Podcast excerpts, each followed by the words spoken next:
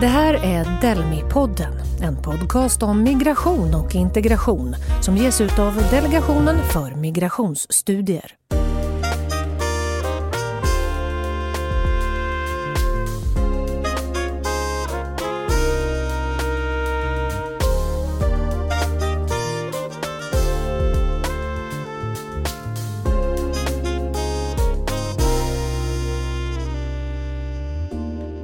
Det är december och det har blivit dags för årets sista avsnitt av Delmi-podden.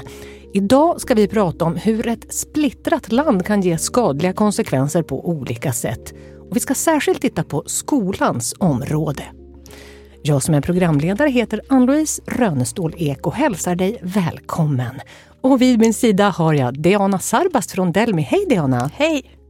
Årets sista avsnitt nu. Det känns helt fantastiskt. Tänk att vi började i februari och det här är avsnitt 10. Mm -hmm. Och det är många spännande frågor vi har tagit upp, eller hur? Absolut. Allt från covid-19 till svensk idrottsrörelse och många avsnitt om Afghanistan. Just det. Och idag ska vi prata om hur segregationen påverkar samhället och då särskilt skolan, eller hur Diana? Mm. Idag lanserar vi den sista studien från Delmi för i år. Den heter Diaperspektiv på segregation, skola, psykisk hälsa och bosättningsmönster. Och i dagens avsnitt ska vi utgå från kapitel 1 skriven av forskaren Maria som är med i vårt samtal idag. Så är det. Vi drar igång. Det har blivit dags att möta dagens medverkande i Delmipodden. Varsågoda att presentera er. Hej, mitt namn är Maria Granvik-Saminaten och jag är doktor i folkhälsovetenskap. Ja, och med på länk har vi också Bassem Järby heter jag och jobbar som rektor i, på Hjulsta grundskola i Stockholms stad. Och här i studion har vi med oss Ja, Erik Nilsson heter jag och tills alldeles nyligen var jag statssekreterare på Utbildningsdepartementet. Stämmer bra det. Ni är alla såklart varmt välkomna till Delmi-podden och i dagens avsnitt ska vi då alltså prata om hur eleverna mår i den segregerade svenska skolan. Och Maria, jag tänker att vi börjar hos dig. Berätta vad det viktigaste är som du har kommit fram till i din forskning. Jag ska också säga att jag vet att du vill vara tydlig med att det här inte är någon absolut sanning som du kommer med utan mer en ögonblicksbild. Ja, i just den här studien som vi pratar om så tittade mina kollegor och jag på betydelsen av elevsammansättningen i klassen för det psykiska välbefinnandet bland svenska högstadieelever med invandrarbakgrund. Och resultaten visar på att elever med invandrarbakgrund rapporterar färre psykiska besvär när de går i klasser med fler andra elever med invandrarbakgrund jämfört med när de går i klasser med färre elever som har en sån bakgrund. Så det verkar alltså finnas ett samband mellan elevsammansättningen och det psykiska välbefinnandet bland ungdomar med invandrarbakgrund. Och Maria, jag vet att du har sagt att resultaten ska inte missuppfattas som att barn med olika ursprung inte skulle vilja umgås med varandra, eller hur? Mm, verkligen. Alltså, och den här studien visar ju inte heller varför ungdomar med invandrarbakgrund har en tendens att rapportera färre psykiska besvär i mer invandrartäta klasser. Det kan vi bara spekulera om. Mm. Men en förklaring skulle kunna vara att elever med invandrarbakgrund känner sig mer inkluderade och accepterade av klasskamrater i en miljö där många andra har en liknande bakgrund. Eller där man i alla fall inte är i minoritet som utlandsfödd eller med föräldrar som är födda utomlands. Mm. Bassem, du är ju rektor sedan ett år tillbaka på grundskolan i Hjulsta. Vad upplever du är de största utmaningarna med segregationen i klasserna? Ja, alltså jag tycker ju det som Mia presenterar är ju intressant naturligtvis och, och eh, det, det, är viktigt också att eh, när man pratar om barn med utländsk bakgrund så ska man tänka att det är inte en homogen grupp. Vi, vi har väldigt många nationaliteter och, och, och, folk kommer från olika delar av världen med olika skolbakgrund. Eh, men naturligtvis är alltid utmaningarna när man bor i ett land där, där en stor andel av klasskamraterna Eh, Eh, kommer från en annan del av världen, att, att det blir lite som en parallell värld man lever i även om vi fortfarande har samma läroplan oavsett vart man befinner sig i samhället. Så att eh, det, det, det är klart att jag förespråkar alltid en mix av elever. därmed är inte sagt att det ska vara svenskar eh, eller folk med utländsk bakgrund utan en mix av elever helt enkelt. Precis, och Erik då? Segregation är ju ett komplicerat fenomen. Det är inte alltid så lätt att förstå ur alla perspektiv heller. Du arbetade ju på utbildningsförvaltningen i Botkyrka som chef. Kan du berätta vad du lärde dig om segregation då som du kanske inte hade förstått innan du jobbade med det i praktiken? Mm. Nej, men jag tror att jag eh, tänkte att segregationen handlade om utrikesfödda och inrikesfödda, att det var liksom den stora faktorn. Men jag tyckte att jag lärde mig mycket i Botkyrka om att, ja, precis som, eh, som Bassen var inne på här, gruppen utrikesfödda är otroligt, uh, har otroligt olika bakgrund. Och snarare att jag såg att det var en, en klassmässig segregation, att det handlade väldigt mycket om vad föräldrar hade med sig för utbildningskapital från sina hemländer. Mm. Så att vi såg att vissa skolor blev högstatusskolor i, i en del friskolor och i, i de rikare områdena och då flyttade resursstarka föräldrar, även om de bodde så att säga i socialt utsatta områden, så flyttade de sina barn till, till de här skolorna. Vilket ju gjorde att det var, lite, det var tufft för de andra skolorna att de mm. hela tiden tappade de här eleverna som var mer resursstarka oavsett om de var utrikesfödda eller inrikesfödda. Bassem, är det här något du känner igen? Det här är väldigt tydligt, det, det, det som Erik är inne på också, att det är exakt det som, som vi upplever hos oss. Att eh, många resursstarka elever väljer eh, fristående skolor eller andra kommunala skolor. Eh, och, och, och, det blir ett problem i, i, i områden Eh, för då förlorar man också loken i vissa skolor som faktiskt kan dra andra elever till goda resultat. Eh, så att absolut upplever vi samma problematik även i Stockholm. Att de eh, flesta mår bättre tillsammans med människor som liknar en själv är ju ganska logiskt. Alla vill ju känna tillhörighet. Men Maria, varför behövs ändå blandade grupper och hur kan man uppnå det? Ja, skolan kan ju spela en viktig roll för integrationen. Och för elever med invandrarbakgrund så vet vi att det kan vara en nackdel att bara vistas i miljöer där man sällan möter till exempel jämnåriga med svenska som modersmål. Ehm, och går man i en segregerad skola kan det även bli svårare att känna att man är en, en del av det svenska samhället i stort. Och det kan ju ha konsekvenser för vilka möjligheter man upplever sig ha i framtiden till exempel. Mm. Erik, jag funderar, den här sorteringen av elever, om vi ska kalla det för det. Hur går det till egentligen? Alltså, vad är det för faktorer som styr och vad kan det leda till? Ja, I grunden har vi en bostadssegregation, så är det. Vi har stora utmaningar på bostadsmarknaden för att försöka få lite mer blandade bostadsområden. Så att forskarna brukar prata om att ungefär 75 procent av den skolsegregation vi ser, den, eh, den har sin grund i bostadssegregationen. Men de återstående 25 procenten är effekter av det fria skolvalet där vi ser att olika grupper har dels olika benägenhet att, att göra ett aktivt skolval eh, och sen så, så, så, väljer man på olika sätt helt enkelt.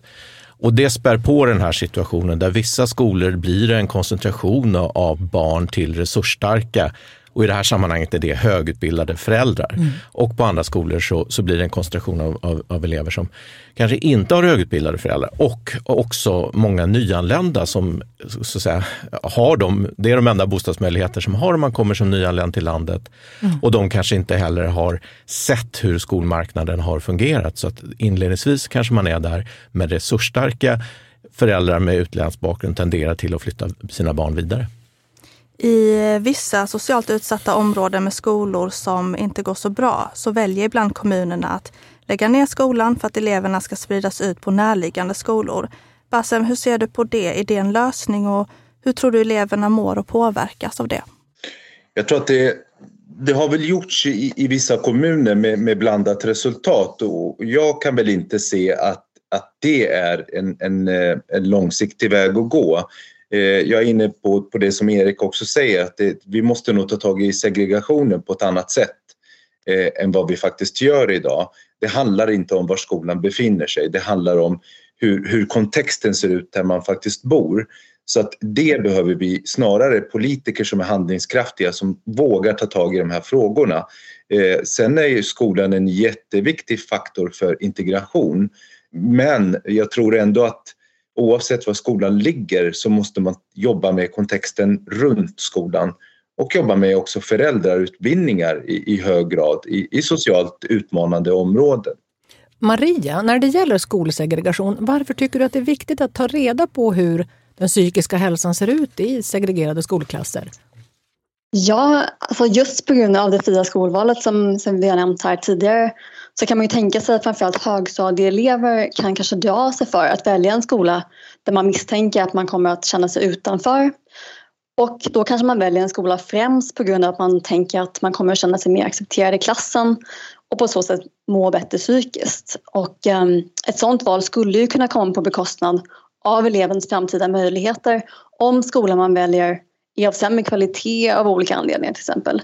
Och sen kan ju ett sådant mönster också indirekt ytterligare spä på den här skolsegregationen. Um, som vi har hört tidigare här. Och du, jag måste fråga också, det finns ju liknande studier som stödjer dina resultat. Blir det till slut en fråga om att välja en bra utbildning eller välja att må bra? Ja, det kanske man måste nyansera lite. Alltså en skola kan ju vara bra eller mindre bra oavsett den sociodemograf sociodemografiska elevsammansättningen. Och det finns ju väldigt många exempel på i Sverige. Däremot så har ju alla skolor ett ansvar att se till att skolan kan erbjuda en inkluderande miljö och att alla elever får det stöd de behöver oavsett deras bakgrund. Både när det gäller skolresultat och även den sociala aspekten av, av skolvardagen förstås. Erik, vilka politiska verktyg finns det för att motverka segregation? Ja, det som inte är mitt specialområde men som jag ändå vill nämna det är ju bostadspolitiken. Mm. Eftersom jag, som jag sa en stor del av det här handlar om bostadssegregationen. Så hur får vi en blandning av, av hyresrätter, bostadsrätter och villor? Hur får vi ja, kan bryta de spiralerna? Men när det gäller skolområdet så tänker jag att ett område är ju antagning och urval, hur man har antagningssystem och urvalssystem. Det finns en utredning som en man som heter Björn Åstrand har lagt fram och som, som nu regeringen är på väg att lägga fram till riksdagen för att få andra urvalssystem. Att i varje fall minska skärpan i den här sorteringen så som den ser ut idag. Mm. Ett annat eh, sånt eh, instrument är ju att jobba med resursfördelning naturligtvis. Att det är, ungar har olika förutsättningar. Eftersom vi har en så kraftig segregation med avseende på föräldrars utbildningsbakgrund så måste vi också styra resurser mycket efter behov. Men också det jag brukar kalla för kompetensfördelning. Att vi har tyvärr idag en, en omvänd Robin Hood i svensk förskola och skola. I den meningen att de mest utbildade, den mest utbildade personalen, eh, högst behörighetssiffror och längst erfarenhet, det har vi i de skolor där de välutbildade föräldrarnas barn går. Och det är klart att vi behöver erfarna och duktiga eh, lärare i de skolor som, som, eh, där eleverna har de största eh, utmaningarna. Så där är, är rätt tuffa sådana där eh, beslut som krävs. Och det, jag tror också att det krävs väldigt mycket beslut av kommunal, eller mod av kommunala beslutsfattare. Därför det är ju inte riktigt så här att alla föräldrar tycker att det är toppen att det sker en blandning heller. Att, mm. eh, att man gör en skolorganisation som innebär att, att barn från det fattigare området träffar barn från det rikare området. De rikare föräldrarna vill inte det. Så enkelt är det. Eh, och det är oerhört politiskt kontroversiellt, varje sådant beslut. Jag har varit med både som politiker och tjänsteman och fattat ett antal sådana beslut och jag kan säga att det var inte populärt. Bassem, är det här något du känner igen? Oh ja, eh, jag vet ju att i, i socialt starka områden så, så, så, vill man jättegärna hjälpa till men man vill, eh, om jag säger så här, man vill inte ha dit de eleverna. Eh, och, och, det kan vi ju faktiskt se att eh, jag har jobbat i ett, i ett annat område som också är socialt utmanande som har legat bredvid ett annat område som är ett väldigt resursstarkt område eh, där våra elever hade vissa lektioner på den skolan men de kände sig absolut inte välkomna till den skolan av de eleverna som gick där med svensk bakgrund. Vilket gjorde att de kände sig ju direkt exkluderade och ville absolut inte gå dit flera gånger. Så det här problemet som Erik nämner är ju, är ju naturligtvis någonting som vi lever med eh, dagligen. Eh, men man behöver, som, som Erik säger, också mod att faktiskt ta ett beslut och stå för det beslutet oavsett vilka krafter det är som ligger bakom det här. Att man inte vill blanda elever. Jag vill, ha dem i mitt, jag vill inte ha dem i mitt område det, det, det får, då får vi sluta för då kan vi inte prata eh, integration längre. För då blir det vi och dem-tänket och det spär vanliga medborgarna på bara, tänker jag. Men du, eh, nu tänker jag vi måste få konkreta tips här. Du har ju framgångsrikt vänt utvecklingen på en skola med sämre rykte. Du. Förbättrat mm. skolresultaten och så vidare och nu är du i Hjulsta. Berätta, ja. vad är det som behövs för att skapa en bra skola? Berätta hur du har jobbat. Alltså det som behövs, för, det är ju jättemånga faktorer naturligtvis som avgör. Dels så, så, så behöver du eh, ha rätt personal på rätt plats helt enkelt och, och det är Erik inne på också. Att du behöver locka till dig pedagoger som verkligen vill jobba i socialt utmanande områden. Och det får du bara när du vänder trenden på en skola och gör den attraktiv och populär genom högre kunskapsresultat och genom trygghet och studiero. Eh, och att du faktiskt är synlig med det du gör. Eh, jag kan säga så här, Hjulsta grundskola har ju faktiskt lyft sina resultat och det har alla Järvaskolorna gjort. Eh, vi är uppe i en väldigt hög måluppfyllelse utifrån salsavärden och annat så, så ligger vi faktiskt väldigt högt. Och det är positivt. Det är ingenting som faktiskt lyfts fram i media. Oftast lyfter man fram det som händer i de här socialt utsatta områdena men inte så mycket våra kunskapsresultat.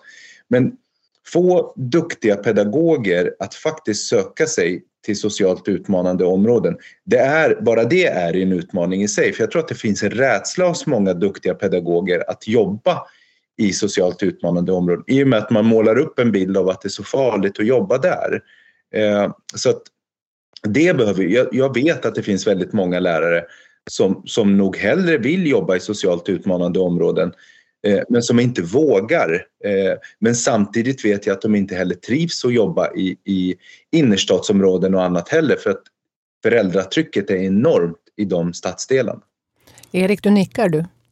Ja, nej men det är ju precis det det handlar om. Och man har ju försökt på en del ställen med löneinstrument och andra sådana saker, men det är inte alltid så lätt. Utan jag, jag tror lite grann det här att, att faktiskt försöka handplocka skolledare som är duktiga, som är erfarna, som, som man vet kan vända trenden. För att de drar också ofta till sig duktiga lärare. Så det är väldigt hårt fotarbete som, som krävs och sen hela tiden hålla koll på resultaten och försöka förbättra undervisningen. Eh, och sen tycker jag politiken måste våga ta i de här systemfrågorna kring antagning, urval och sådär, som idag faktiskt bara förvärrar segregationen så som systemet ser ut.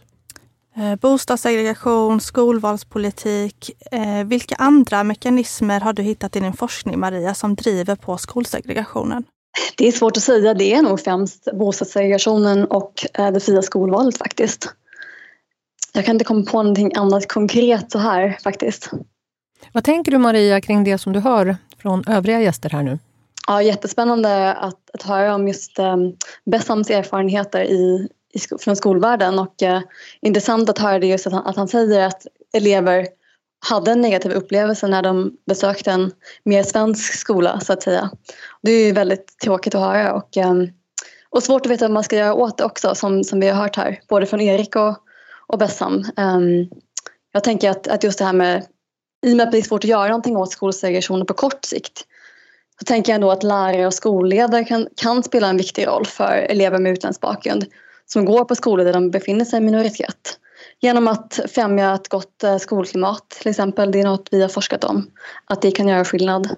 Um, och att eleverna får det stöd de behöver för att lyckas i skolan på, oavsett vilken skola man går på. Och, um, Ja, och att man kan känna tillhörighet oavsett eh, bakgrund. Alltså, eh, I vårt förberedande samtal inför den här eh, dagen nu mm. så pratade du och jag om att den segregerade skolans effekter är ganska lika i till exempel då storstadens socialt utsatta områden och den svenska glesbygden. Jag kommer själv från Norrlands inland. Mm. Berätta om den kopplingen, det var så spännande tycker jag. Ja, alltså vi kan ju se, vi kan ju se när elever, eh, hur de söker våra elever faktiskt, till vilka skolor de söker. Och, och, och, vi har väldigt många högpresterande elever som, som automatiskt, som vi var inne på förut också, som automatiskt inte söker sig till, till skolor med höga meritpoäng. Eh, just av den anledningen att man är orolig för hur man ska bli mottagen där. Eh, vi har också elever som har påbörjat sina studier där och hoppat av. Dels för att man inte känner sig hemma i den miljön. Och det är lite som du och jag pratade om, Eh, även i, i småstäder så, så, kan det finnas en viss jargong, en viss, ett visst sätt att vara som gör att även om du har svensk bakgrund och du är svenska klasskamrater så, så, finns det ändå svårigheter att ta sig in i vissa, i vissa skolor och i vissa områden. Eh, och det, det, tror jag är en, en, svårighet som våra elever upplever när man söker sig till, till skolor med höga meritpoäng som är väldigt populära. Och det finns det olika sätt att göra det på. Eh, vi har ju nu påbörjat ett samarbete med, med två gymnasieskolor i innerstan, Södra Latin och Globala. Eh, där, där, vi faktiskt får dem på besök till oss och där våra elever som, som är högpresterande ska få möjligheten att eh, gå där några dagar och få undervisning av de lärarna där. Utöver det behöver man titta också på mentorskapet Eh, hur tar man emot elever från socialt utmanande områden för att inkludera dem i, i högfungerande eller höga, eh, skolor med höga kunskapsresultat. Eh, och det kan vara elever med, som har gjort samma resa men som har eh, inkluderats på ett bra sätt i de här typen av skolor som då kan vara mentorer för våra elever. Erik, vad tycker du behöver göras först och främst för att skapa en mer likvärdig skola? Och vad tror du händer om inget ändras utan det bara rullar på som det gör nu? Ja, men du var inne på flera saker när det gäller både sorteringen och och segregationens effekter som jag har sagt om. Vi måste styra mer resurser efter behov och vi måste få ordning på det här med var de utbildade, hur vi ska kunna rekrytera utbildade lärare till. Och det handlar inte bara om, om utsatta bostadsområden i storstäderna utan det handlar också på nationell nivå om att vi ser samma tendenser i glesbygd. Att där har vi väldigt svårt att hitta utbildade lärare och de välutbildade föräldrarna flyttar därifrån. Så det är starka sådana spiraler som man eh, behöver göra någonting åt. Så mer fördelning efter behov och försöka komma bort från en del av de här marknadsmekanismerna som faktiskt har eh, försvårat segregationen.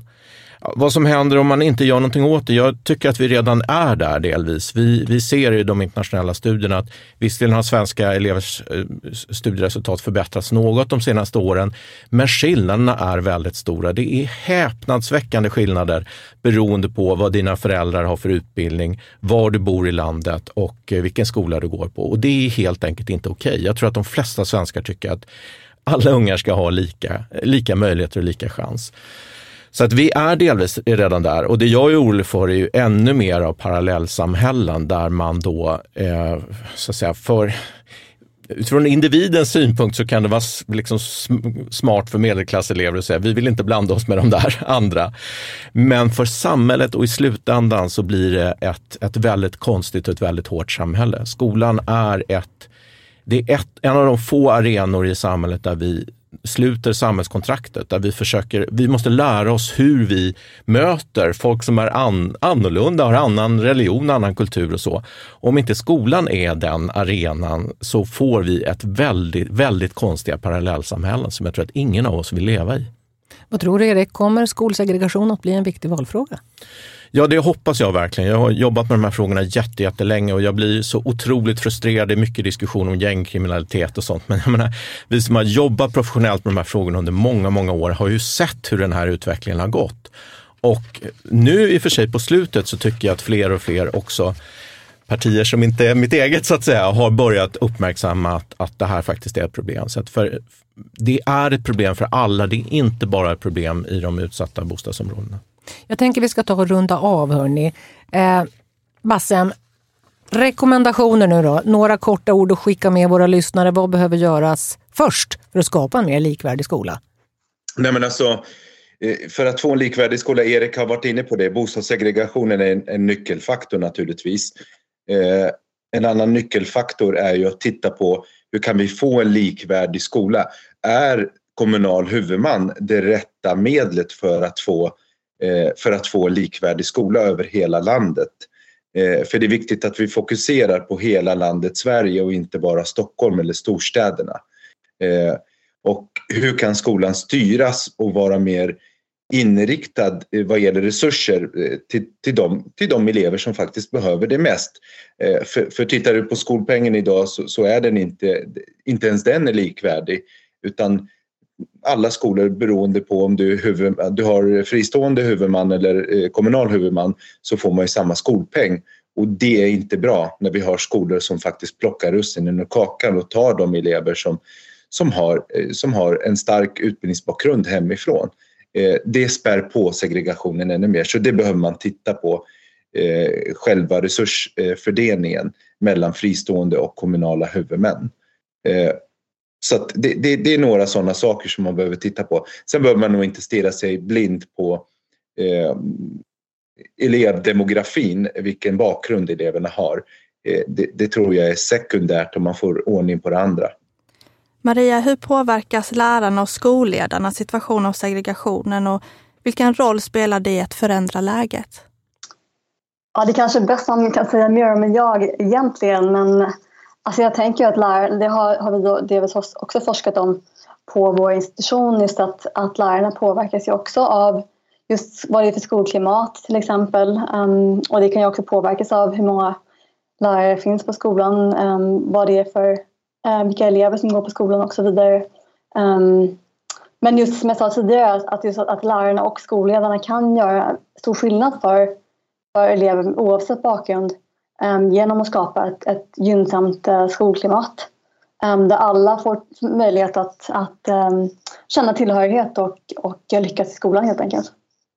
Och det får bli sista ordet. Tack för att ni var med i Delmi-podden, Maria Granvik Saminatten, Bassem Järbi och Erik Nilsson. Ja, Tack snälla. Ja, Diana, hur eleverna i Sverige mår i skolan och hur elevsammansättningen påverkar måendet, det är verkligen brännande frågor. Mm, och en del av resultaten överraskar nog många av våra lyssnare. Och våra gäster har lyft eh, viktiga aspekter av denna fråga. Superintressant. Och var hittar man nu den här publikationen då? Om man har lyssnat på hela avsnittet så vet man vid det här laget att det finns på delmi.se. ja, precis. Och därmed hörde du så är årets sista Delmi-podd till ända. Ja. Tack till dig! Tack själv. Och tack till alla medverkande vi har haft under året. Och till dig som har lyssnat, tack för uppmärksamheten. Ha det så fint. Hej då!